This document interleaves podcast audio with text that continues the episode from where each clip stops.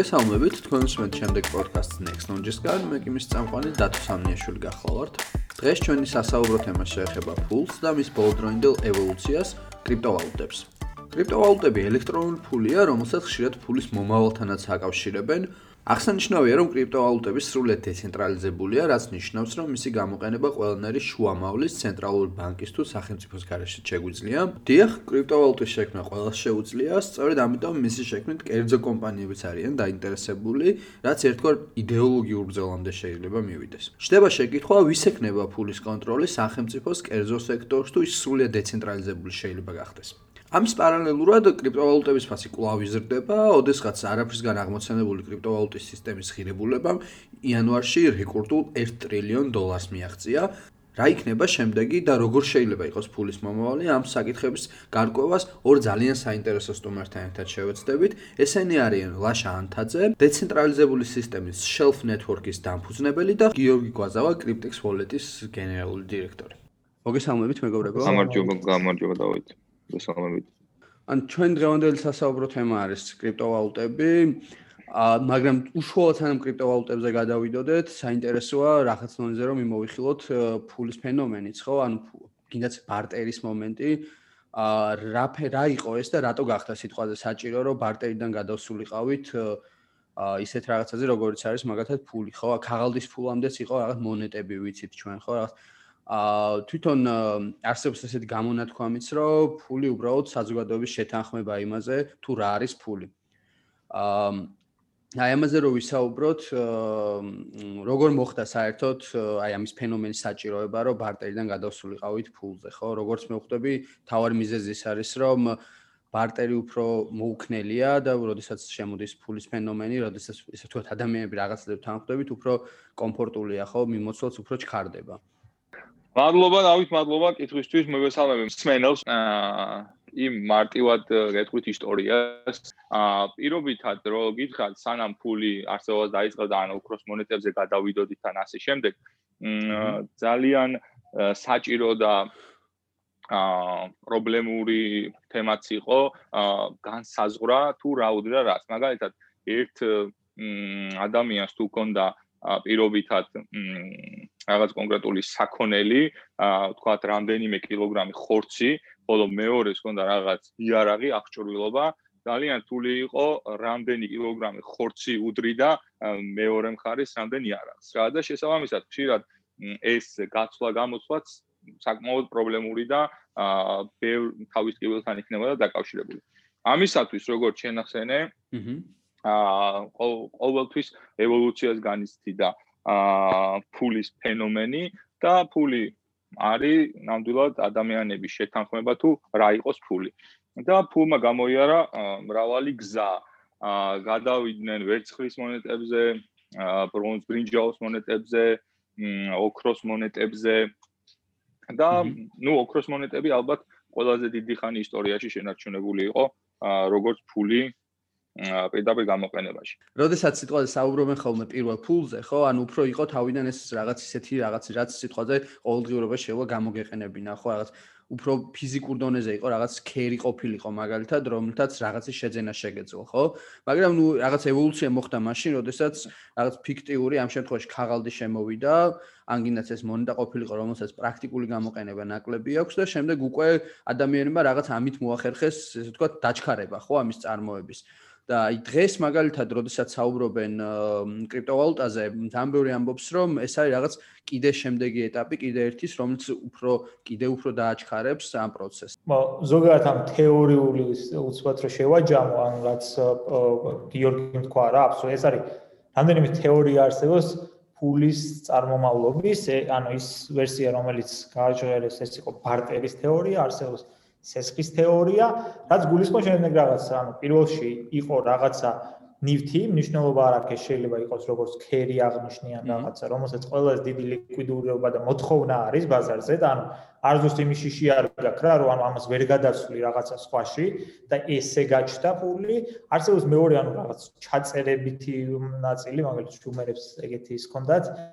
ანუ როდესაც ანუ უფრო ვალის თეორია რა, ანუ რომ ვიღაცასთან ვალი მქონდა, ეს ჩაიწერა და შემდეგ იმ ვალის გაქვითვა რაღაც სხვა აქტივში და ასე წარმოიშვა.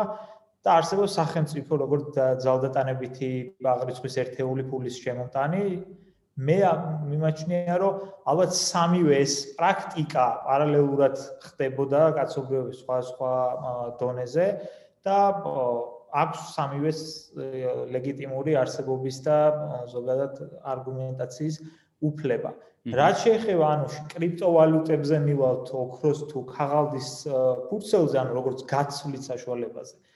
აქ უკვე არის ეს არის უბრალოდ მახასიათებელი, თვითონ საგნობრივი მახასიათებელი ფულის, რომელსაც ვიყენებთ, რომელიც სხვადასხვა დროში, სხვადასხვა მიზეზების გამო იყო განსხვავებული.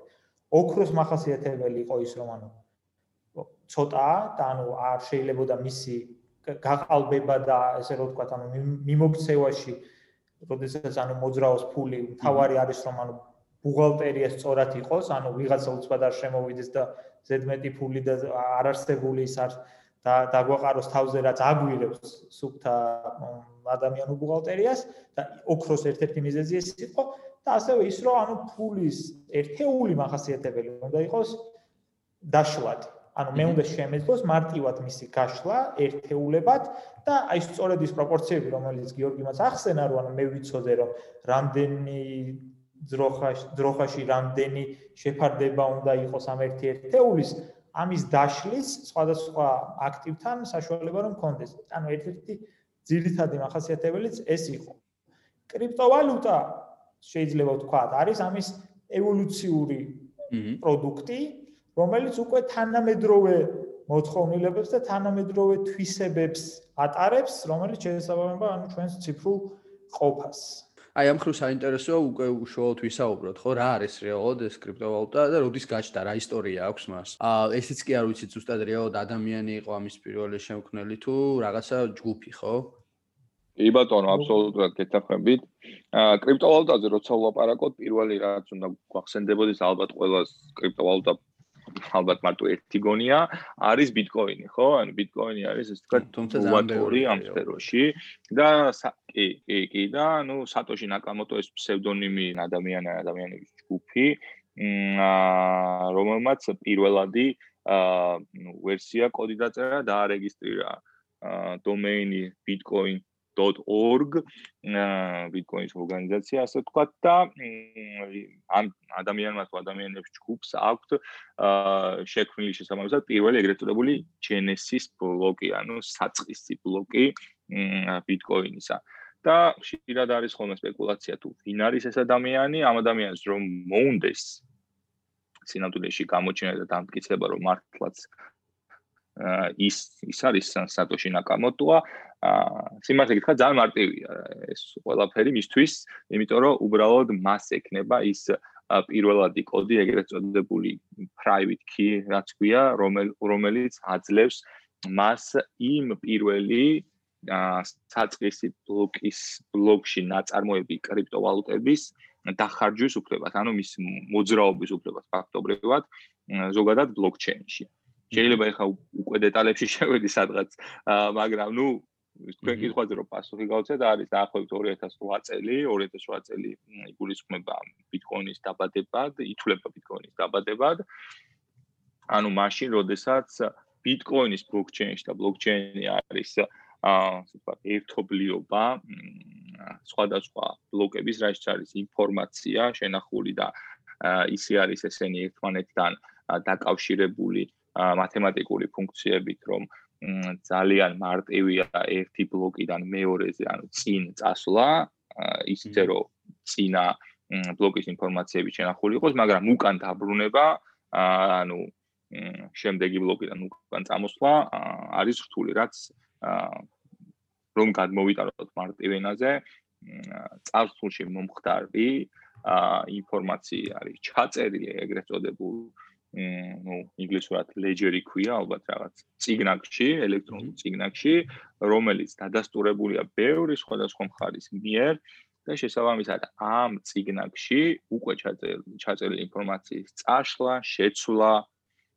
არის შესაძლებელია, მაგრამ პრაქტიკულად შეუძლებელი.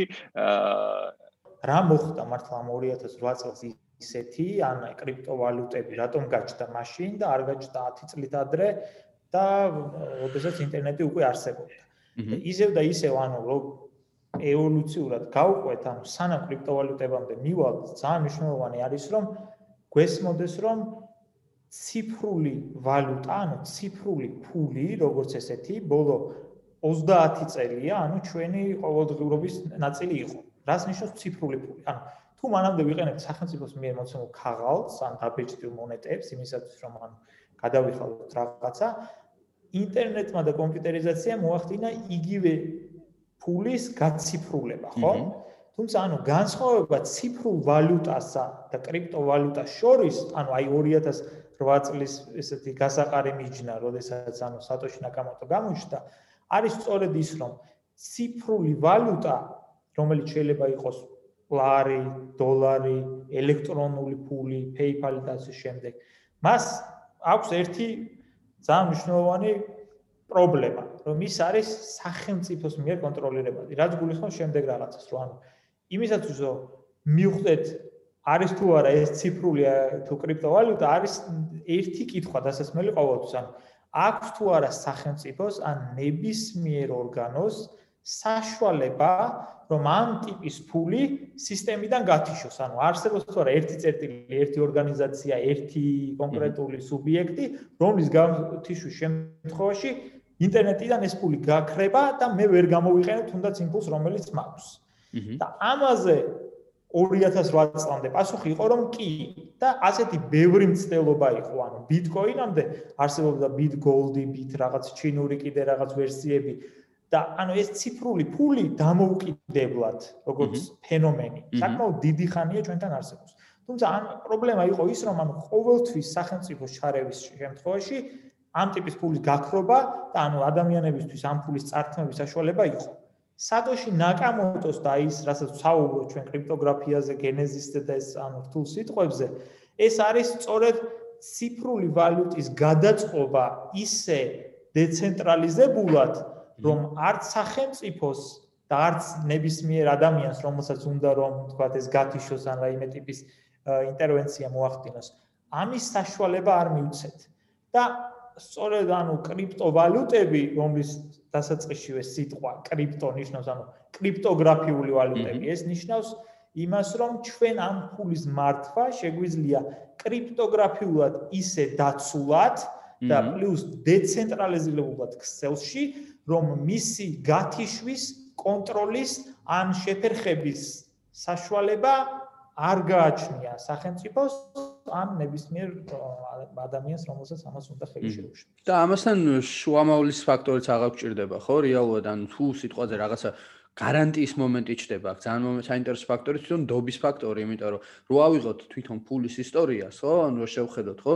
ანუ ვიღაცა ყოველთვის იყო გარანტი, ხო? დაწყებული შუმერებიდან თუ სიტყვაზე ვიღაცა მეფის მეფის სახელი ეწერა იქ თუ რაღაც, რომ აი მე შენ გაზრო გარანტიას ესე ვთქვა. თუმცა აი საინტერესოა თვითონ კრიპტოვალუტების შემთხვევაში როგორ ჩდება ეს დობის ფაქტორი. ან დობის ნაწილში ეს იწება, ანუ აბსოლუტურად ქსელური ეფექტით რა, ანუ პირველი ტრანზაქცია, რომელიც თქვა ბიტკოინის შემთხვევაში იყო, ეს იყო რაღაც პიცის შესყიდვა, ეს იყო შემდეგ რაღაცა ისა და ანუ ამ ბევრ ადამიანს შორის იქნება ესეთი ღირებულებითი გაცვლის ბუღალტერია, რომ მე ვიცი მაგალითად რომ 10000 ბიტკოინი ერთ პიცაში გადავიხადე და შემდეგ ანუ ეს ცოდნა ილექება თითოეულ ადამიანში და ზოგადად ესე ფორმირდება ღირებულებით ნაწილი.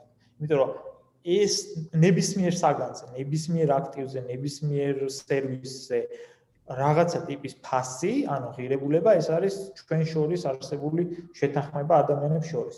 ბიტკოინის შემთხვევაში აა ეს იყო სწორედ ანუ ქსელური ეფექტის მეორე მხრივ ანუ ცოდნა იმისა რომ შეზღუდული რაოდენობით იყო მესამე მხრივ არსება ანუ თვისებები რომელიც ღირებულია ინტერნეტში და სხვა სხვა გამოყენება ნახა როგორც ანუ შავ ბაზარზე ისე ანუ თეთრ ბაზარზე რომ ანუ არ შეიძლება ტრანზაქციის შეჩერება არის ანონიმური და აბსოლუტურად დეცენტრალიზებული რაც ნიშნავს რომ ანუ არავინ არ აკონტროლებდა თუნდაც გადასახადების კუთხით მის აქტივად ქონას ინდივიდუალურ დონეზე და აი ამ ტიპის ღირებულებები არის ის რაც რეალურად დღეს ბაზარზე ქმნის საბოლოო ფასს და ის რაც ხდება ბირჟებზე და ვაჭრობის კუთხით. ხო, ანუ პირველი იყო ამ ხრივ ბიტკოინი, ესე იგი, როგორც გავიგეთ და საინტერესო ანუ აი ესე რაღაც დონეზე მე როგორც მესმის ახლა არის რომ ეხა ამ წამს ნებისმიერ შეუძლია რომ შექმნას სიტყვაზე რაღაცა ახალი კრიპტოვალუტა? აი როგორც სიტყვაზე ეს ნაგამოტო მქნა.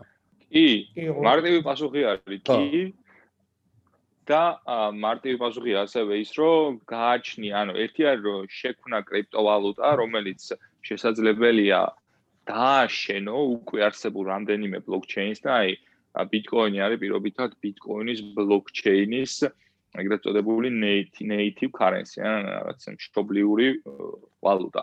სხვა ბლოკჩეინებს აქვთ თავიანთი native cryptocurrency, მაგალითად Ethereum-ს თუ ვიტყვით Ethereum-ის blockchain-ის native cryptocurrency არის Ether-ი, თუმცა ძალიან განსხვავდება Ethereum-ის blockchain-ი Bitcoin-ის blockchain-დან და აი Ethereum-ის blockchain-ი პირობითად გვაძლევს საშუალებას მასზე დავაშენოთ და მასზე მასზე გამოუშვათ ახალი კრიპტოვალუტები. უბრალოდ ამას უკვე კრიპტოვალუტა აღარ ქვია, ანუ ერთ blockchain-ზე დაშენებულ მეორე კრიპტოვალუტას უფრო ტოკენს ტოკენს ეძახიან. თუმცა ეს სიტყვა კრიპტოვალუტა და ტოკენი ჯერ კიდევ და ალბათ კიდე დიხანი დარჩება ასე რომ ერთად იხმარება, ანუ არ არ არის ხოლმე განსხვავება და რაღაც გაყოფა ამ ორი აა ორი ტერმინის. და ასევე შეიძლება, რა თქმა უნდა, შესაბამისი რესურსებით აა ნებისმიერმა შექმნას ახალი კრიპტოვალუტა. უბრალოდ აი უნდა გაჩნდეს აუცილებლად რაღაცნაირად თუ არის რაღაც მიწოდება მეორე ხაზი უნდა გაჩნდეს მოთხოვნა რომ რაღაც ფასზე შეხახეთ. მოთხოვნის გარეშე ანუ ვიღაცას თუ არ უნდა ამ კრიპტოვალუტაში 0 ცენტის გადახდაც კი ამ აქტივის ან კრიპტოვალუტის ფასი არის 0. ანუ მეორე მხარეს უნდა იყოს აუცილებლად მყიდველი.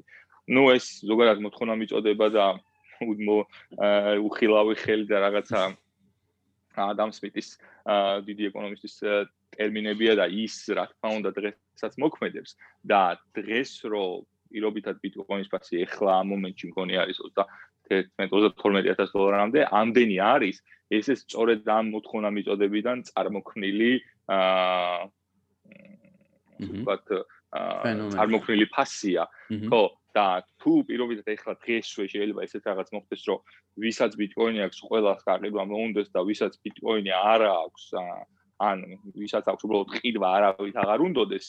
რა თქმა უნდა, ბიტკოინის ფასი ჩამოვარდება, ჩამოვარდება და შეიძლება ნულზეც ნულსაც გაუტოლდეს რა. ანუ ეს ფასი რა ღირს და რატო არის მ აბსოლუტურად იცევ და იცევ მოთხოვნა მიწოდების გამო. თუ ბიტკოინზე ლაპარაკობთ, ბიტკოინის ლიმიტირებული მ რაოდენობა, რომელიც ალგორითმი ისეა დაწერილი, რომ ზოგადად ჯამურად 21 მილიონი ბიტკოინზე, ან 21 მილიონი ბიტკოინი იქნება რა. ანუ ეს რაღაცა რაოდენობა შეზღუდულია. ო, ლიმიტია. რაღაც კუთხით. ხო, ფას ფასზეც აა პოტენციურად უნდა მოქმედდეს, იმიტომ რომ თუ მოთხოვნა ყოველთვის გაიზრდება და მიწოდება იგივე იქნება და 2140 წელი იქნება, როდესაც 21 მილიონე მე მილიონე ბიტკოინი ვთქვათ, გამომუშავდება.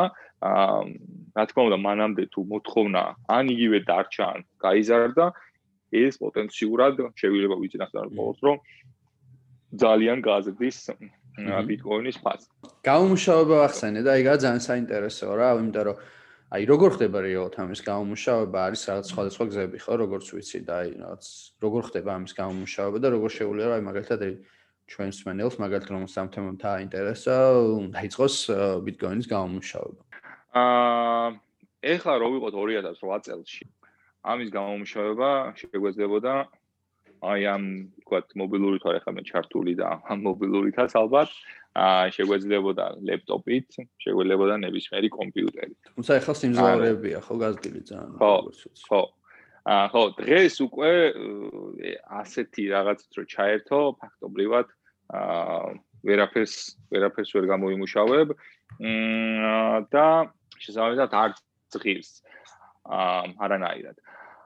თან ასევე მნიშვნელოვანია რომ ეს ბიტკოინის გამომუშავების ალგორითმი სულ რთულდება და საშუალოდ ისე არის ხოლმე გაკეთებული, რომ თითო ბლოკის დასრულებას მოუნდეს დაახლოებით 10 წუთი. როდესაც დაიწყო 2008 წელს, ანუ ყოველ 10 წუთში გამომუშავდებოდა 50 ცალი ბიტკოინი. და აქაც ეს ეგრეთ წოდებული diminishing diminishing supply ქვია ინგლისურად ტერმინი ალგორითმი ისე დევს რომ ყოველ დაახლოებით 4 წელიწადში ერთხელ ეს ეს წარმოება და გამომუშავება, ან თითო ბლოკი მოკლედ თუ გამომუშავება, გამომუშავება 50 ბიტკოინს, შემდეგ იქნება 4 წელიწადში იქნება 25. შემდეგ 4 წელიწადში 12.5 და ეხლა ვართ იმ პერიოდში უკვე გასული 2020 წლის მაისში. მოხდა დაახლოებით 20 მაისს საქართველოს დროით. თუ სწორად მახსოვს, როდესაც გადავედით და ვართ 6.25 ბიტკოინზე თითო თითო თითო ბლოკის თითო ბლოკიდან გამომუშავებული ბიტკოინების. ხო, აი თვითონ გამომუშავებაზეც რო ვისაუბრეთ, ხო, არის რაღაც ერთი როდესაც ან ნებისმიერ ადამიანს შეუძლია იყიდოს რაღაც კომპიუტერი, სპეციალურად იყიდება, ხო, ინტერნეტ შეგიძლია ნახო, რომ არის პროცესორი, რომელიც სიტყვაზე სპეციალურად ამისთვის არის გამოშვებული და რაღაც ფასების მიხედვით და ხარისხის მიხედვით არის შეფასებული ესენი და არის კიდე რაღაც აი ფერმებს რასაც ეძახიან, ხო? აი ეს ფერმები რა არის ანუ ამ შემთხვევაში შენ ბევრი შენ ბევრი კომპიუტერი კონდეს რომელიც ერთდროულად ახერხებს ამ გამოთვლას, იმიტომ რომ მე ვიცი რომ ამასთან ერთად შენ შეგიძლია რომ უცხოეთში მაგალითად ფერმები იქირაო კიდევაც საერთოდ, ხო? და იმ მომენტში რასაც გამოიმუშავებენ ეს კომპიუტერები, ის ბიტკოინი შენ შენ ანგარიშზე იქნება ან ნებისმიერ სხვა კრიპტოვალუტა. იდეაში რაც შეეხება ანუ გამოთვლით კომპიუტერებს და ფერმებს და ასე შემდეგ, ანუ მარტივად რო წარმოვიდგინოთ არის შემდეგი რაღაც. რადგანაც პირველი სიტყვა დეცენტრალიზაცია ნიშნავს შემდეგ რაღაცას, რომ ჩემი კომპიუტერი შენი კომპიუტერი, სხვისი კომპიუტერი და კიდე 1000 ესეთი კომპიუტერი ერთად ერთ ქსელშია ჩართული და ეგრეთ წოდებულ ერთ ერთი და ყველას აქვს თავისი ციგნაკი იმისა თუ ტრანზაქციები რა მოხდა. რომ ანუ რაღაცა კონკრეტულ მომენტში ვიცით რომ ამას ამდენი აქვს ბალანსი, ამან ამდენი გადარიცხა და ეს ბუღალტერია უნდა გასწორდეს ყველა კომპიუტერს შორის. მაინინგი ძალიან მარტივად რო თქვა, არის პრინციპი, რაღაც პრინციპი უნდა არსებობდეს ჩვენ შორის, როგორც თანაბარ კომპიუტერებს შორის, რომ რაღაცა რომ მოხდა Excel-ში, როგორ შევთანხმდეთ, რომ ეს არის რეალობა, რომ მე მაქვს 2 ბიტკოინი, იმას აქვს 5, ამას აქვს 10 და ეს გამოთვლითი სიჩქარეები, ანუ რაც ნიშნავს რა და კომპიუტერებს შორის არსებობს ესეთი შეჯიბრი, ძალიან მარტივი რა, როდესაც უნდა ამოხსნან რაღაც მათემატიკური ალგორითმი. აი, უნდა რაღაცა ციფრი იპოვნონ, ესე რომ ვთქვა. და იმისათვის, რომ ეს ციფრი იპოვრონ, ვინცაც უფრო ძლიერი კომპიუტერი აქვს, ეს ნიშნავს, რომ ანუ კომპიუტერი ხო ანუ ბაინარის არის, ანუ შეუძლია 1 2 ანუ კომპიუტერს როდესაც რაიმე ტიპის პრობლემას ვაძლევთ, კომპიუტერი ამას ის ეტაპობრივად. ანუ აი ძალიან მარტივად რა, ანუ რო ვეუბნებით, რომ აი რაღაცა 50 გამოვაკელი 10 კომპიუტერმა კი არის ის რომ 40-იან კომპიუტერი იწყებს 50 საკლებს 1 2 3 4 ანუ ესე და მე 40-ზე რომ მიდის გეუბნება რომ ეს არის სწორი. ანუ ეს ესე აზროვნებს კომპიუტერები ზოგადად. ამ Excel-შიც პრინციპი არის შემდეგი რომ ეს ციფრი რომ რომელიღაც კომპიუტერმა იპოვნოს ამისაც საჭიროა რომ ესე დაითვალოს რა, რომ წარმოვიდგინოთ 1-დან სადღაც მილიარდამდე. ვინც უფრო სწრაფად ითვლის და შემდეგ ამ ციფრთან მიდის, ის Excel-ში იღებს უპირატეს უფლებას იმისა, რომ ჩანაწერი გააკეთოს და გაუზიაროს ხვებს. და სწორედ აი ამ ტიპის შეჯიბრი არსებობს Excel-ში, ეს არის მაინინგი და ეს არის ის ფერმები, ანუ ვისაც უფრო დიდი ფერმა აქვს, ანუ გამოთვლითი სიჩქარე კომპიუტერების, იმას პოტენციურად უფრო მეტი შანსი აქვს იმისა, რომ ამ კონკრეტულ რაუნდში აღმოაჩინოს ციფრი, რომლის საფუძველზეც მოიპოვებს უპირატეს უფლებას რომ გააზიაროს ანუ წინა 10 წუთის ჩანაწერები და სხვებმა გადაამოწმონ და თუ ეს კონსენსუსი შედგა მას ქსელი ჩუქნის ახალ 6.5 ბიტკოინს როგორც გიორგიმ აღნიშნა. არსებობს შემდეგ რაღაც, მაგრამ რაც უფრო ანუ წლები გავიდა, როგორც ასევე გიორგიმ აღნიშნა, გართულდა ამ ტიპის ციფრის აღმოჩენა და უფრო ძლიერი კომპიუტერებია გახდა საჭირო იმისათვის, რომ ამ ტიპის ალგორითმი ამოიხსნას. ფერმებში ის კომერციალიზაცია რაც ხდება, რომ მე შემიძლია ვიქირავ ან ასე შემდეგ, ეს არის ჩათვალე, რომ არსებობს რაღაცა ძლიერი კომპიუტერი, ამ ძლიერი კომპიუტერის პროპორციულად შესაძლებელია ამდენი ბიტკოინი შოვნა და იმის მიხედვით მე რამდენს ვიქირავებ და რა ტიპის სიდ გამოთვლელ ძალას დავიქირავებ იმის პროპორციულად თუ ბიტკოინია და თუ გამოიმარჯვა ამ რაუნდში იმ კომპიუტერმა იმის პროპორციულად მე დამერიცხება ბიტკოინი. ეს არის ანუ მთელი ბიზნესი ეგრეთ წოდებული ფერმების და ისლანდიაში რაღაც მეების ქირა. საქართველოს თუ ამბობდნენ რომ აქ რაღაც ახაც აქვს თუ სიტყვაზე დიდი ფერმებია. აი მაგ ახაც ძალიან დიდი ფერმები იყო და ისევ და ისევ ანუ ძალიან განპირობებული იყო ერთი მარტივი რაღაც რა რა იმისათვის რომ კომპიუტერმა იმუშაოს, საჭირო არის ელექტროენერგია. ანუ რა თქმა უნდა მეთქო კი. სწრაფად და მეტი და ძლიერი კომპიუტერია, მით უფრო მეტ ელექტროენერგიას მოიხმარს და საბოლოო ჯამში არის ორი ძირითადი ხარჯი. პირველი არის ანუ ელექტროენერგიის ხარჯი და მეორე ნებისმიერ კომპიუტერი ვიცით რომ ხურდება და გახურების წინააღმდეგ რო არ ანუ ცვეთა იყოს ნაკლები და ასე შემდეგ, საჭირო არის გაგრილების სისტემა. ანუ სადაც გრილა და დაბალი დენი არის, ის არის იდეალური ამ კომპიუტერის შესანახად სუფთა ფიზიკურ გარემოს კუთხით. ამიტომ არის რომ ანუ ისლანდია, გრენლანდია, ირლანდია და ასე შემდეგ არის მოწინავე ქვეყნები, იმიტომ რომ სივა შედარებით და ნაკლები ხარჯი გაქვს გაგრილებაზე კომპიუტერის, ამას თუ დამატებული არის იაფიდენი, რაც ჩვენ შემთხვევაში იყო თავისუფალი ეკონომიკური ზონების აა პრივილეგია, რომ ანუ დღეგეს არიხდი დიასის შემდეგ და სხვა ტიპის ფასზე შეიძლება მოლაპარაკება, ეს ქმნიდა იმას, რომ ანუ საბოლოო ჯამში ხარჯი ჩემი კომპიუტერის ჩართული კომპიუტერის გაცილებით ნაკლები იყო ვიდრე სხვისი და საბოლოო ჯამში ანუ ბიტკოინი რომელსაც გამოიმუშავებდა ჩემი კომპიუტერი მეტ მარჟას მიტოვებდა. საქართველოს იყო ასეთ მდგომარეობაში, დღეს მოცემულობით აღარ არის ხელსაყრელი სამაინინგო სიტუაცია. აი, გარემოს დაცვის ხრივაც როგორ არის, აი, იმიტომ რომ აი მაგალითად ცოტა ხნის წინ იყო შემთხვევა, რომ მესტიაში აღმოაჩინეს ესეთი ფარულად იყენებდნენ ვიღაცები და მიაკნეს, იმიტომ რომ ძალიან დიდ ენერგიას ხარჯავდნენ და ანუ ამ ხრივ თუ სიტყვაზე ვამბობ, რომ აი სისტემურად უფრო სისტემური გახდება, ხო, სიტყვაზე ბიტკოინის გამომუშავება, ამ ხრივ როგორ შეიძლება იყოს არის ეს საფრთხე რაღაც გარემოსთვის თუ შეიძლება არც იყოს. გარემოს საფრთხე არის იმ კუთხით, რა ტიპის ელექტროენერგიას მოიხმარ, ხო? ანუ თუ ელექტროენერგიას მოიხმარ, რომელიც ანუ ნავთობიდან და ემიდან არის წარმოებული, რაც ნიშნავს, რომ პროპორციულად ელექტროენერგიის გაზრდა იწვევს ამ ტიპის მავნე ნივთიერებების მეტი ატმოსფეროში გამოსვლას. ჰიდრო იმას მოიხმარ, ანუ სხვა. ანუ ეს არის ესეთი პირდაპირ პროპორციულია რა, ანუ დღეს რო ელექტრომობილი ყავს შენ, შენ კი მაგალითად არაბინძურებ გარემოს, მაგრამ რა ტიპის ელექტროენერგიას მოიხმარ იმის დასატენად, ის ხო პირდაპირ პროპორციულად დაისახება გარემოსთვის და ანუ ამ ტიპის ქსელს და ჯაჭვს რო გავყვეთ, ანუ ყოველთვის რაღაც ზიანამდე დაზიანებამდე მივალ. რაც შეეხება მესტიის ამბავს, მან ანუ უფრო რაღაც კომპლექსური და ისეთი ის არის, იმიტომ რომ ახლა როდესაც ანუ არის სუბსიდირებული ელექტროენერგია და აბსოლუტურად ანუ უფასო იმის კომერციალიზაციას ახდენს ადამიანი რა, ანუ ჩვეულებრივი ბუნებრივი მომენტია. აჰა.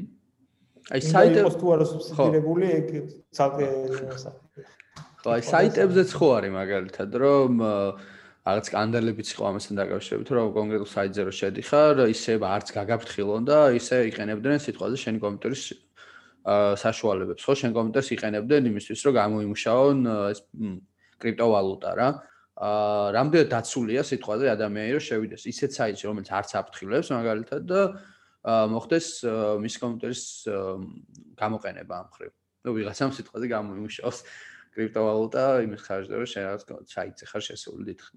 სამართლებრივად, არ ვიცი, ანუ ბევრი ისეთი მომენტი არსებობს რა, იდეაში მე როცა საიტზე შევდივარ, ის მე რაღაც დონეზე ჩემს მონაცემებსაც და ჩემს რაღაც პირადი ინფორმაციასაც ვაწვდი ნებისმიერ საიტს. დღეს მოცემულობა ინტერნეტის ანუ აგებულება და მექანიკა ესეთია. ამას დამატებით ანუ მე რაღაც ჩემი კომპიუტერის გამოთვლის სიჩქარეს იმ კონკრეტულ მომენტში როდესაც საიტზე ვიმყოფები თუ არა ჩემი აზრით რა თქმა უნდა ინფორმირებული უნდა იყოს მომხმარებელი, მაგრამ ნუ ამ ტიპის ისე შეიძლება რა, ანუ კომერციალიზაცია და პირიქით რა, დეცენტრალიზებული არ მარტო მაგალითად კრიპტოვალუტის მაინინგი კი არა, მე მიმაჩნია რომ მაგალითად მე უნდა შემეძლოს და შემიძლია კიდევაც ჩემი კომპიუტერის მეხსიერების გაზიარება სხვებისთვის, რომ ანუ მაგალითად მე ვიღაცას არ ყოფნის მეხსიერება, რატომ არ შეიძლება რომ მაგალითად ჩემთან შეინახოს? თუ ამას ანუ ადეკვატური კონტრაქტი შევდივარ და ანუ ამ ტიპით რაღაც კომერციალიზაციას ვახდე. ესეთი არის ანუ კრიპტოვალუტების კუთხითაც რა, ანუ თუ როდესაც ხდებოდა გენერაცია. თვითონ იდეაში ხო მე კი დიდი სავალ ინტერესის დაინტერესებული პიროვნებია ამ მიმართულებით, მაგრამ 10 წლის კი ან 12 წლის მაგალითი, რასაც გვაჩვენებს ამ ამ სამყაროში, ზოგადად დეცენტრალიზაციის მიმართულებით. ბევრი ნაბიჯი უფრო დიდი მოლოდინი იყო ვიდრე რეალური პროდუქტის და ყოველდღიური გამოყენებლობა გვაქვს. თვითონ ბიტკოინის ხრივაც, ანუ რო ჩვენ მოვისმინოთ, ანუ ბიტკოინის შესახებ, რასაც ლაპარაკობენ 2012-ში, ალბათ იგივეს ლაპარაკობენ 2021-შიც. იგივე მოლოდინები არსებობს და ანუ თითქოს წინ წინ წინ იწევს. რაღაც დონეზე, ანუ კი ამ კონკრეტულმა აქტივმა და ტექნოლოგიამ ღირებულებით ღირებულების შენახვის ნაწილში, ანუ კრიპტოგრაფია კრიპტო სამყაროში პოვა ადგილი და ალბათ გაცილებით უფრო დიდი დრო უნდა რომ უფრო დაიმკვიდროს თავი. თუმცა ტექნოლოგიურმა გამოყენებამ, დეცენტრალიზაციამ, როგორც პრინციპმა, თუნდაც ინტერნეტში, ყოველდღიურობაში, მართვით რგოლში, რისთვისაც ანუ ბლოკჩეინი და ანუ აი ზოგადად პრინციპი, რომელიც ამუშავებს დეცენტრალიზ ბიტკოინს, საკმაოდ რთულია და ძალიან ცოტა რეალური кейსები ხდება ბიზნესისთვის, იმიტომ რომ რაღაც ზონაზე უნდა გვესმოდეს რომ ანუ დეცენტრალიზაცია ეს არ არის უნივერსალური გამოსავალი, ეს არის კონკრეტული პრინციპების, ანუ დაცულობის, პრივატულობის, ანონიმურობის და თუნდაც აი სახელმწიფო მონოპოლიებისგან თავის დაღწევის საშუალება, თუმცა ეს არ არის საუკეთესო და ეფექტური გადაწყვეტა ინტერნეტში რაღაცა აპლიკაციების, ბიზნესების, ოპერაციების, თუნდაც ხშირად გადაწყვეტილების მიღების და ასე შემდეგ და აი ამას საკმაოდ ანუ დიდი დრო და ისეთი ჩემი აზრით ფუნდამენტური ცვლილებები დაჭირდება. საზოგადოებრივი ტექნიკური ინფრასტრუქტურული რომ ჩვენ მართლაც ვნახოთ ანუ ეგრეთ წოდებული დეცენტრალიზებული სისტემების დომინაცია ხო, აი ძალიან საინტერესო თემა შევეხეთ ახლა, იმიტომ რომ ანუ ერთი არის რომ მართლა იყო რაღაც პროგნოზები და შეიძლება რაღაც დონეზე ეს იმედები ინდონეზე ვერ გამართლა, ხო? აი ამ ხრივ დღეს როგორ არის რა? ანუ რამდენად ხშირია ბიტკოინის გარდა სხვა კრიპტოვალუტის მოხმარება, ან გინდას ბიტკოინის და ან ადამიანს თუ შეუულია მარტივად მაგალითად მე მაქვს ბიტკოინი და მარტივად შემიძლია რაღაცა შევიძინო. ამასთან ერთად მე რაღაც სულ ცოტა ხნის წინ იყო ინფორმაცია გავრცელდა, რომ ბრიტანეთში ამატებდნენ სპეციალურ ბანკომატებს, რომელთაც განაღდება შეგიძლია ეგრევე ქუჩაში რა, უმარტივესად ბანკთან, ბანკის შუამავლობის გარეშე რა. აი ამ ხრივ რა მდგომარეობაა დღეს, ან რანაირად ვითარდება ეს? ხო და ისიც რომ მოვიცოთ, ისიც ძალიან საინტერესოა. რამ შეუშალა ამ ყველაფერს რა ხელი, რომ აი სიტყვაზე იყო ესეთ პროგნოზები და იმ დონემდე ვერ ვართ სიტყვაზე როგორც იყო, ხო, იმიტომ აი ესენი რომ მოვიცოთ ეხლა. ხო, ну, აი ბრიტანეთსაც შეეხება და მსგავს რაღაცას, ანუ ეგ არჩეულება ეგეთ წოდებული კრიპტომატი, ან კრიპტო ATM-ი ბიზნესი, რომელიც არის მუშაობს, რავი, ერთი მხრივი ან ოთხმხრივი არსებობს. მ ანუ შენ შეგიძლია ფული შეაცურო ამაში და შენს wallet-ზე ჩაგეცხება შესაბამისი კრიპტოვალუტა, რომელსაც იყიდი, ან შეგიძლია პირიქით ამ ამ კრიპტომატთან მოხვიდე, აა დაასკანერო, გადმორიცხო, სწორად გადმორიცხო შენი wallet-იდან ან შენი ბირჟიდან აა კრიპტოვალუტა ამ კრიპტომატის ოპერატორთან და კრიპტომატი თვითონ მოგცემს ფულს, ანუ ორხრივია რა, როგორც შეტანა შეგიძლია, ისე გამოტანა ეს საქართველოსიც არის და ბევრ სხვა ქვეყანაშიც ყველაზე დიდი ამ კუთხით არის ამერიკის შეერთებული შტატები, ყველაზე მეტი კრიპტომატი დგას, მეორე თუ სწორად მოგწოს არის კანადა და მწარმოებლებსაც შეეხება ორი დიდი მწარმოებელი იყოფენ ა პირველ და მეორე ადგილებს, ეს არის Genesis Coin-ი და General Bytes-ი. თვითონ ჩვენ ერთ-ერთი კრიპტექსსაც შეეხება, კრიპტექსი ამ ორივე გლობალურ აა კრიპტომატების მწარმოებლებში ჩაინტეგრირებულია, ასე ვთქვათ, ჩვენ ვართ ერთ-ერთი სტანდარტული არჩევანი ნებისმიერი კლიენტისთვის თან სოფლიოში, ვისაც Genesis-ი ან General Bytes-ი აქვს. მეორე საკითხი არის წმინდა ის რომ ჯერ კიდევ ვერ არის ისე კარგად ალბათ ინფრასტრუქტურა შექმნილი, რომ მარტივი იყოს ბიტკოინებით აა სხვადასხვა ოპერაციების გაკეთება ან სხვა კრიპტოვალუტებით. აი ეს იმაში მდგომარეობს, რომ არსებობენ მაღაზიები, რომლებიც ჯერ კიდევ არ იღებენ ბევრი ბიტკოინს, არსებობენ ონლაინ ონლაინ როგორც ონლაინ ისე ოფლაინ შოპები, რომლებიც კრიპტოვალუტებს უბრალოდ არ იღებენ. არსებობს ასევე დაკავშირებული რისკები ზოგადად კრიპტო აა კრიპტოვალუტების გამოყენებასთან დაკავშირებული ბიზნესისთვის, იმიტომ რომ შეიძლება ბანკებმა ან სხვა სამართალდამცავმა ორგანოებმა რაღაც ამის გამო კონკრეტულ ბიზნესებთან გაუჩნდეთ კითხვები და ასე ვთქვათ, ჯერ კიდევ მორიდება. აა ხო და აი ალბათ ეს არის ყველაზე დიდი ფაქტორები, ну, განსაკუთრებით სკამერების ფაქტორიც საკმაოდ ცუდად მოქმედებს. თუმცა 2020 წელი ძალიან სხვანაირი აღმოჩნდა ბიტკოინის კრიპტოვალუტებისთვის, იმიტომ რომ ინსტიტუციონალურმა ინვესტორებმა, ანუ ისეთმა დიდმა კომპანიებმა აა დაიწყეს ამ ამაში ინვესტირება, რომ აა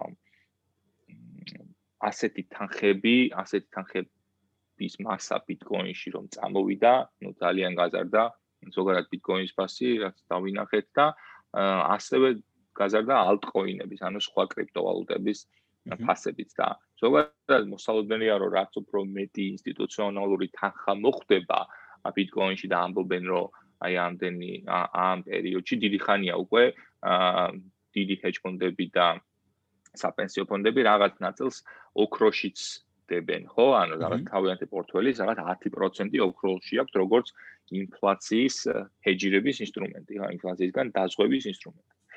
აა და ამბობენ რომ ამ 10%-დან რაღაც ნაწილი აა ბიტკოინში შეიძლება წამოვიდეს, ანუ ოქროს დააკლდეს როგორც რეზერვის აა კომოდიტის და გადმოვიდეს ბიტკოინსკენ. აი საქართველოსში რა ხდება იგივე თქვენი საქმიანობა რო ავიღოს, ანუ რამდენად ვითარდება ეს პროცესი, ან რამდენად განვითარდა სიტყვაზე? რამდენად მოიხმარენ ქართველები ამ სისტემას? ჩვენი ახლა კომპანიიდან ჩვენ ჯგუფში შემოვალი კომპანიები სხვადასხვა მიმართულებით მუშაობენ. ჩვენ პირადად ახლა მე ყველაზე მეტად ჩართული ეს არის დიდი საოპერაციო კრიპტო wallet-ი, რომელიც B2B პროდუქტია და დიდად ასე ვთქვათ საქართველოსში არ ყავს ჩვენ კლიენტურა, უფრო უცხოელებზე მუშაობთ ამ მიმართულებით და ну, რა თქმა უნდა, უცხოეთში დაინტერესება არის და მაგის მიხედვით მოქმედებთ. აკაურ პროექტსაც შეეხება ესე ჩვენი ჯგუფის წევრი კომპანია Cryptali, რომელიც ასევე საერთაშორისო გავყავს cryptal.com-ი, ანუ ეს არის ქართული ბირჟა, რომელიც საერთაშორისო ბაზარზე გასულია ფაქტობრივად უკვე. ეს არის აქ უფრო შეინიშნება ხალხის ინტერესი და აა ქართველების ინტერესი და კიდე და კიდე უფრო პოპულარული ხდება. თუმცა ბევრი ქართველი ვინც უკვე ამ სფეროში დიდი ხანი არის, აა ბევრს აქვს დიდ საერთაშორისო ბირჟებზე აა აი აკაუნტები და ამის მიხედვით უფრო იქ ვაჭრობენ, რადგან იქ უფრო დიდი ლიკვიდობაა. თუმცა შეიძლება არის ესეთი მომენტი, რომ შესაძაც ფულის გამოტანა უნდა თან უცებ უნდა რაღაც ზღიდვა საქართველოს ეკოსისტემაში ყოფ ყოფ კომპანიას უფრო ენდობიან და უფრო სწრაფიც არის ხოლმე. აა აიქ იმაზე რომ საუბრობდით სიტყვაზე პოტენციალზე თავიდან უფრო დიდი იმედები იყო ხო თქვით და ამაში რაღაც როლს თავის როლს რეგულაციებიც ხო არ თამაშობს მაგალითად ვიცით რომ Facebook-ს უნდა და ხო ეს რაღაც Libra რო განევითარებინა და როგორც ვიცი, ანუ იმედები არც ვერც ამან ვერ გაამართლა, ხო, ეს რა ძალიან საინტერესო, ანუ რამდენად შეიძლება აწყობდეს სახელმწიფოს მაგალითად, რომ აი ეს კრიპტოვალუტის თემატიკა განვითარდეს და რამდენად შეიძლება ის ამაში საფრთხეს ხედავდეს, რომ დაკარგოს კონტროლიც, ხო? ანუ ფულის ფულზე კონტროლი დაკარგოს. აი ეს რა ძალიან საინტერესო.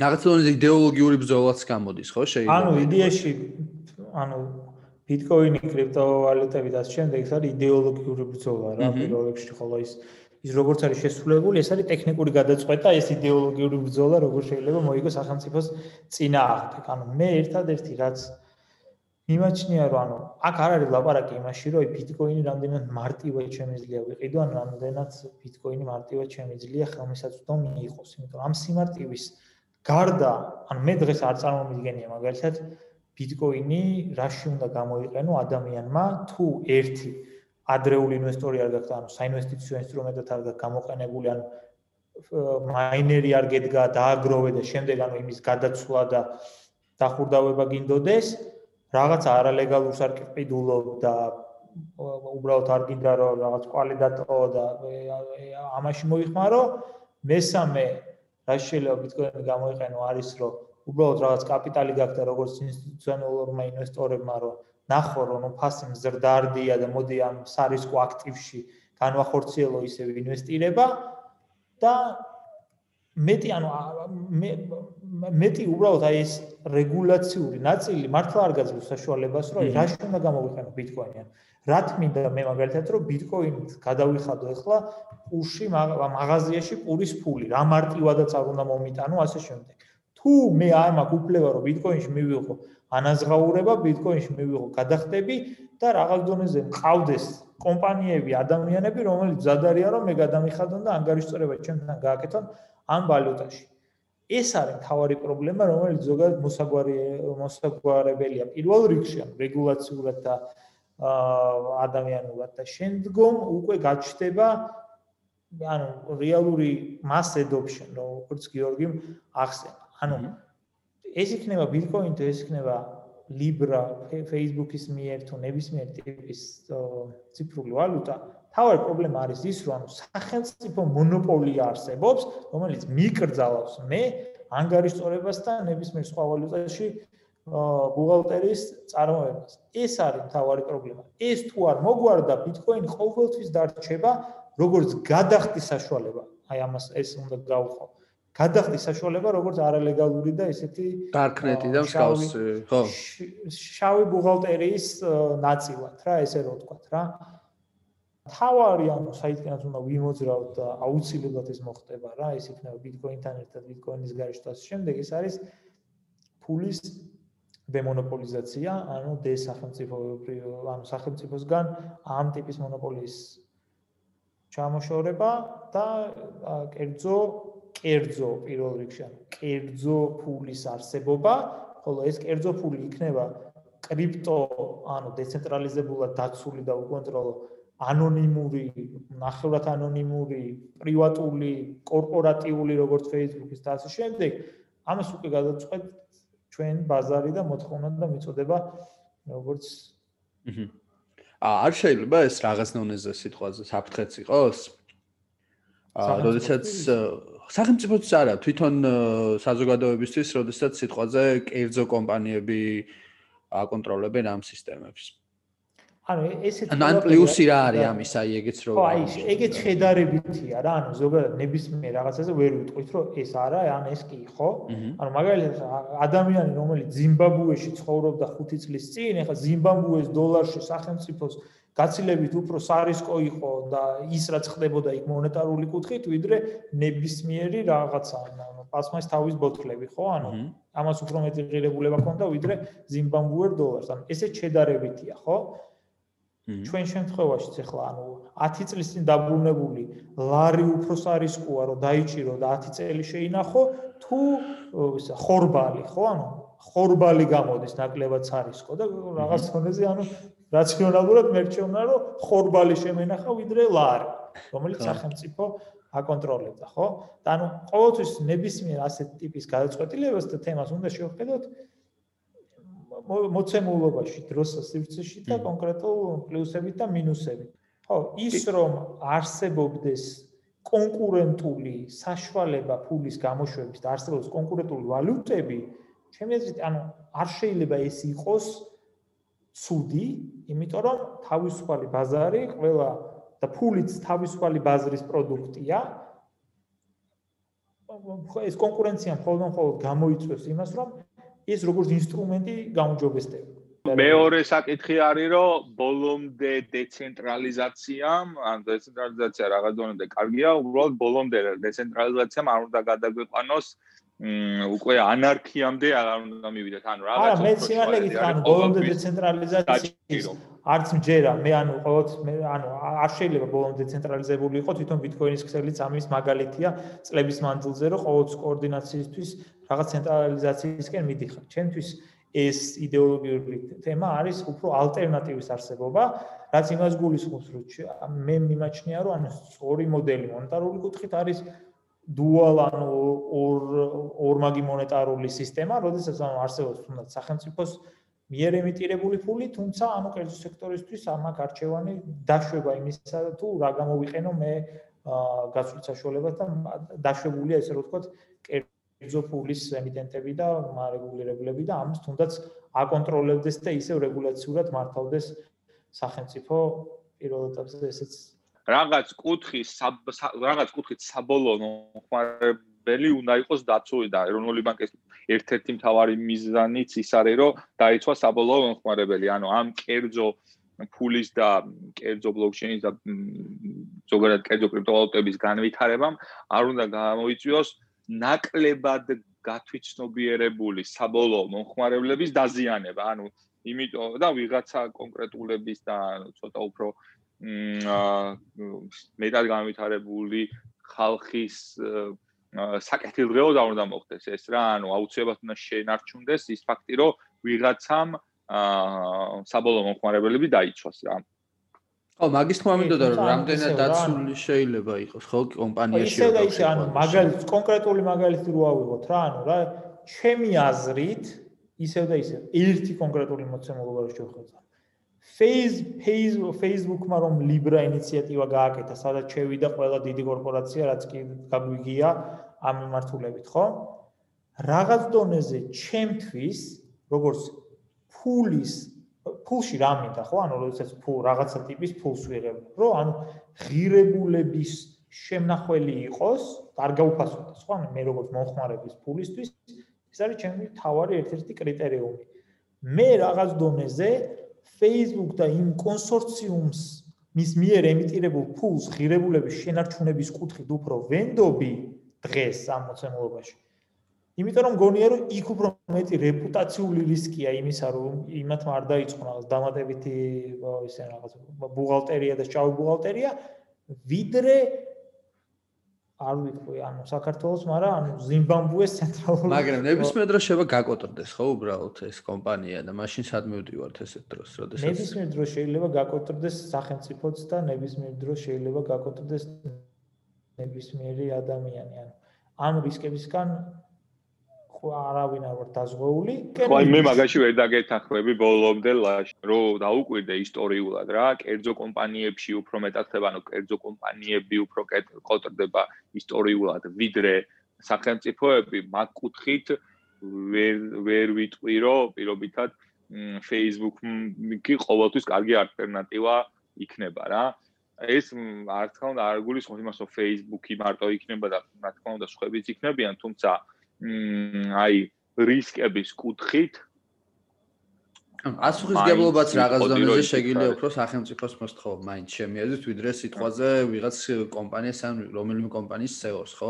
არ ვიცი რა უმეც ეგრე მგონია და როგორ ანუ სამარტივია რა ანუ Facebook-ს პასუხისგებლობა კოლექტიური პასუხისგებლობის მოთხოვა ნებისმიერ გაფრჩევ პროდუქტზე გაცილებით უფრო მარტივია ვიდრე ცენტრალური ხო მაგრამ თუ გაკოტოდა რას შვება მაშინ ეს კომპანია? ანუ ეს ჩვენ ვიღაც ვთხოვთ პასუხს მაშინ ამ შემთხვევაში ვინ დაგიცავს? ანუ რეალურად ანუ დღეს რადგანაც არსებობს კერძო ინსტრუმენტი ფულის სახით და ასევე ანუ არ გვაქვს შესაძლებელი ანუ პროდუქტს პროდუქტს ვერ ვადარებთ რა ანუ ჩვენ რაღაცა აბსტრაგირებულ კერძო იმებს სტატისტიკურ რაღაცას ვიღებთ რომ ანუ იცი რა კომპანია კოტდება და ამიტომ შეიძლება ეს ნაკლები ბენტრისკიანია versus პროდუქტი, რომელიც არსებობს მონოპოლია და არსებობს ისა რა ქვია, ეგრეთ წოდებული დროის ბომბი, ხო? ანუ ნებისმიერი ფული, რომელსაც სახელმწიფო პროდუქტად ხავაზობს, უფასურდება დროსა და სივრცეში. აი კრიპტოვალუტის თავარი ღირებულება რაც არის, რომ სიტყვაზე შენ არ გიწევს ანუ სახელმწიფოს ენდო ან კერძოს, ანუ ამან ხო შეიძლება რაღაც დონეზე ეს თავარი ღირებულება ასე მოხდა დააკარგული კრიპტოვალუტა. ხო, აი ეს დეცენტრალიზაცია. ხო, თუმცა მანდაც ის არის, ანუ რეალურად რას ვენდობით ბიტკოინის შემთხვევაში, რომ გავყვეთ ლოგიკას, ხო? ვენდობით ანონიმურ ფერმებს, კომპიუტერებს, რომელიც სადღაც ჩინეთში იმაში ამაში არის გაფანტული და ვენდობით იმას, რომ ნუ ამ ადამიანებს, ამ კომპიუტერებს შორის, რადგანაც არსებობს მათემატიკური სიზუსტე, ეს მათემატიკური სიზუსტე არ დაირღვევა. ამას ვენდობით. თუმცა ფულის თავისუფლებასთან რაღაც დონეზე ეგ უფროა, ვიდრე მაინც კი. ეგრე მგონია. და ვენდობი ტექნოლოგიას, რომელიც ამ მათემატიკურ სიზუსტეზე არის დამყარებული და თუ მათემატიკაზე ვცხოვრებით, რომ ყველა წერტილში მსოფლიოში ერთია, და ამის ნუ ის რო არ არის ერთი ამას ჯერჯერობით არავის არ დაუმტკიცებია მაშინ მაგიტო არის ანუ მაკედან მოდის ეგდობა რა რო გავუყვეთ და ეგ უფრო სანდუა მაგიტო ამბობ ეგეთი რაღაცა ჩემთვის ვიდრე პირობითად Facebook-ის თემა ის არის რომ ანუ ექსპერიმენტად ნებისმიერ რამე ღირს სანამ არ მივალთ რაღაც ეტაპამდე რის მერეც ქვია ანარქია რა ანუ ანარქია არის ყველანაირი წყობის მოსპობა, ანუ მე ვიცი რომ ბევრი ანარქისტიც არის და ბევრს უყვარს და საერთოდ კრიპტოებში ვინც არის ბევრი მაკუთხითაც აზროვნებს რომ საბოლოოდ რატომაც არა, ანუ ყველაფერი და რეგულიროს ბაზარმა და ყველაფერი და რეგულიროს თავისუფლებამ, თუმცა ანუ ეს იმდენად დიდ ანუ ანარქოკაპიტალიზმს ვარაუდობთ ხო ეხლა რაღაც დონეზე. ხო, ხო, ხო. კი ბატონო. უკვე სულ სხვა სულ სხვა ეს არის ანუ მე მე მაგას ვამბობ რომ ანუ ალტერნატივაც და კონკურენციაც და ასე შემდეგ ყველაფერი დასაშვებია იქამდე სანამ რაღაც კონკრეტულ წერტილს არ გადავაბიჯებთ რა იმიტომ რომ ეგ არის მ რა ვიცი ეგ არის წერტილი ალბათ რა დროსაც ყველა არის ყველა იღებს ყოველდღიური ცხოვრებისგან ყველაზე მეტ ბენეფიტს რა მაგამდე არის რომ უფრო მეტი შემიძლია მივიღო და მაგის მერე არის უარესობა რა ეგეთი ეგეთ რაღაცას ეგეთ რაღაცას უყურებ. მე ანუ ანარქიას არ იმაშა არ მოძღვრავდი აქ იდეაში ანუ გარდა პრინციპებისა და არა არა გეთანხმები ფული არ გასშენ ამის უკან უნდა გვესმოდეს ჩვენ არსებობს ყველაზე დიდი საზოგადოებრივი შეთანხმება, ეს არის საკანონმდებლო და იურიდიული და რაღაც ტერიტორიული შეთანხმება, რომელიც ნებისმიერ სფეროს დაარეგულირებს, ეს იქნება კერძო ის თუ ასე შემდეგ, ასე შემდეგ. მე ანუ რეგულაციების წინააღმდეგი და ზოგადი დაცულობის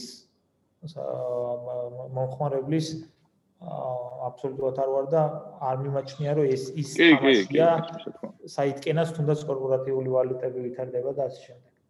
თუმცა ნუ ფაქტია რომ რაღაც ძალიან საინტერესო პერსპექტივებია ამ ხრივ ხო? ერთი მხრივ არის სახელმწიფო, მეორე მხრივ რაღაც კერძო კომპანიები, მესამე მხრივ არის ეს დეცენტრალიზებული სისტემა და რაღაც ძალიან საინტერესო პროცესებია და საით გადაიწევს ამასაც ალბათ ნახავთ. მაშინ შეგვიძლია ალბათ თქვენ ნელ-ნელა შეჯამებისკენ წავიდეთ. რაღაც აი ორი სიტყვით რო შევაჯამოთ, მაგალითად რა არის მაინც ამ კრიპტოვალუტის მთავარი დადებითები?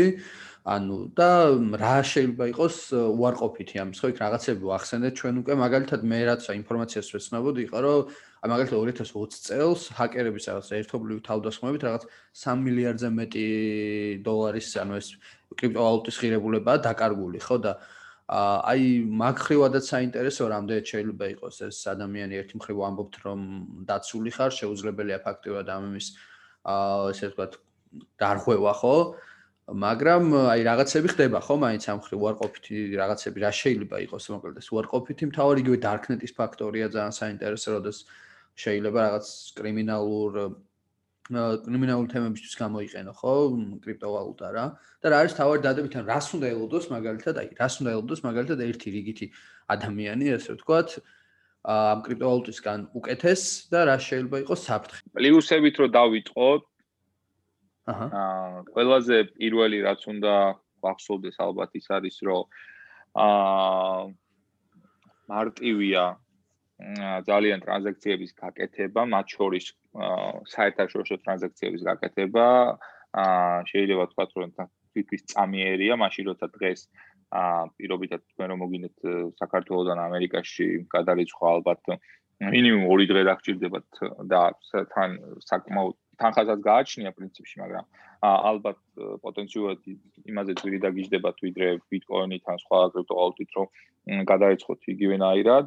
მეორე რაც არის ამბობენ ამ ბიტკოინს და კრიპტოებზე, რომ ხალხს უბრუნებს ძალას, რომელიც ჰქონდათ, უნდა ჰქონდეს და აქვს, იმ კუთხით, რომ რადგან არ არის დიდი ცენტრალური authority, რომელსაც ყველა ენდობენ, არის ცენტრალური authority, ჩაანაცვლა მათემატიკურმა ფორმულებმა და ალგორითმებმა და ეს ასე ვთქვათ, ეს ფაქტი აა როგორც cost-saving-ის კუთხით, ისე სისტრაფის კუთხით და ისე აა საკუთარი ადამიანის ძალაუფლების გაზრდის კუთხითაც დადებითი არის. ტრანზაქციის განხორციელების ღირებულება შეიძლება პირიქით უფრო ნაკლები იყოს. ანუ ეხლა თქვენ რო პირობითად პარათით იხდით სადმე დაახლოებით 2-2.5% ალბათ მიაქვს შამოვალს, ხო, ბანკს.